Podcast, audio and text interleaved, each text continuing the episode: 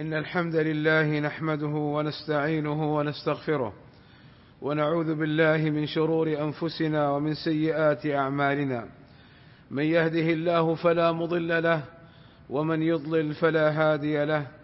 وأشهد أن لا إله إلا الله وحده لا شريك له وأشهد أن محمدا عبده ورسوله. يا أيها الذين آمنوا اتقوا الله حق تقاته. ولا تموتن إلا وأنتم مسلمون. يا أيها الناس اتقوا ربكم الذي خلقكم من نفس واحدة وخلق منها زوجها وبث منهما رجالا كثيرا ونساء واتقوا الله الذي تساءلون به والأرحام إن الله كان عليكم رقيبا. ألا وإن أصدق الكلام كلام الله وخير الهدي هدي محمد صلى الله عليه وسلم وشر الأمور محدثاتها وكل محدثة بدعة وكل بدعة ضلالة وكل ضلالة في النار. أما بعد فشهر رمضان قد يكون ثلاثين يوما وقد يكون تسعة وعشرين يوما. قال صلى الله عليه وسلم الشهر يكون تسعة وعشرين ويكون ثلاثين فإذا رأيتموه فصوموا. وإذا رأيتموه فأفطروا فإن غم عليكم فأكملوا العدة. بل صامت الصحابة مع النبي صلى الله عليه وسلم تسعا وعشرين أكثر مما صاموا ثلاثين يوما. كما أخبر بذلك ابن مسعود رضي الله عنه حيث قال لما صمنا مع النبي صلى الله عليه وسلم تسعا وعشرين أكثر مما صمنا معه ثلاثين.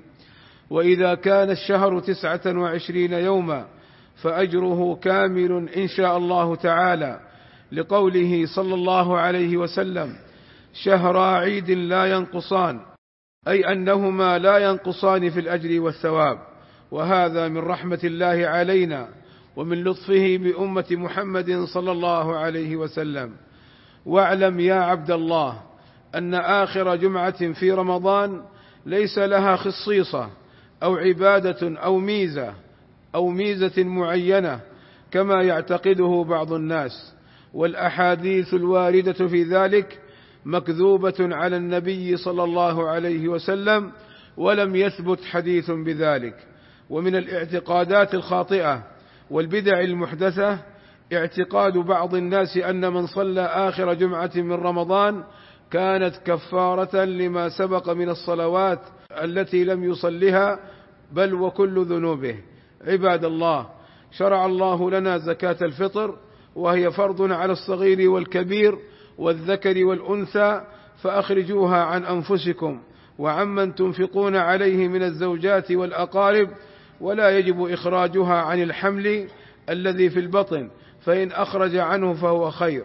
وهي صاع من طعام البلد كالبر أو الأرز أو التمر أو غيرها من قوت الآدميين.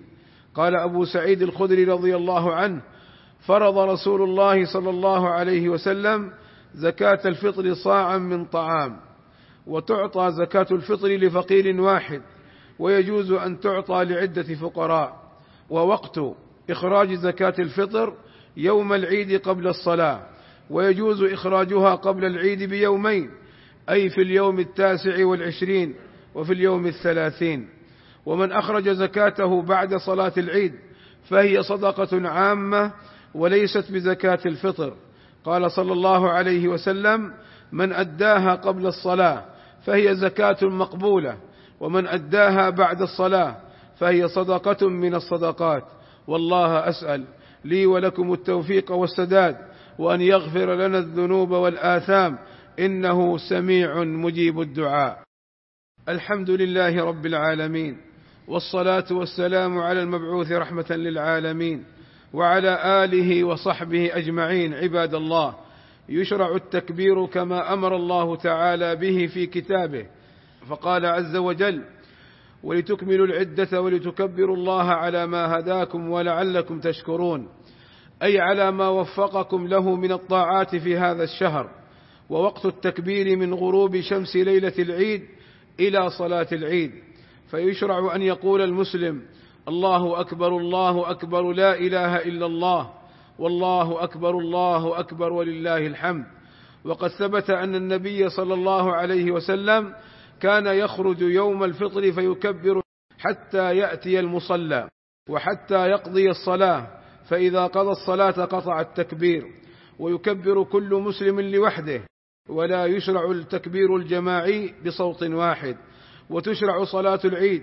فقد أمر بها رسول الله صلى الله عليه وسلم حتى النساء يخرجن.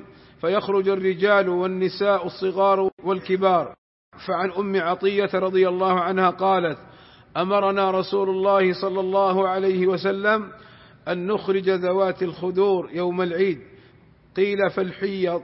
قال ليشهدن الخير ودعوة المسلمين.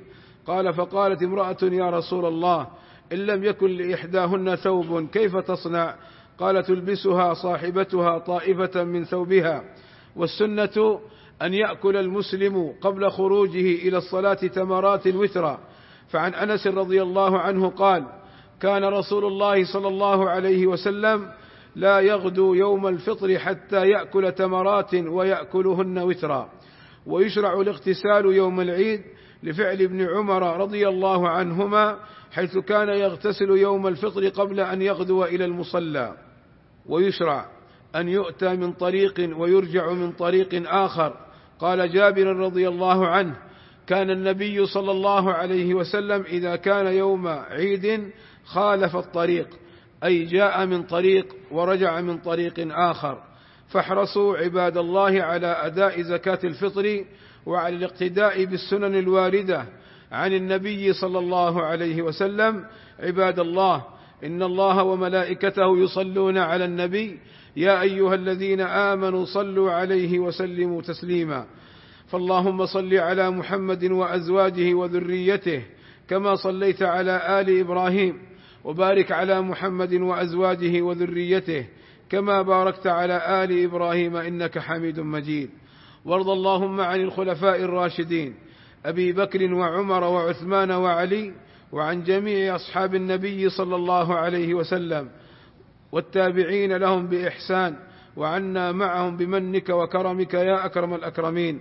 اللهم آتنا في الدنيا حسنة وفي الآخرة حسنة وقنا عذاب النار.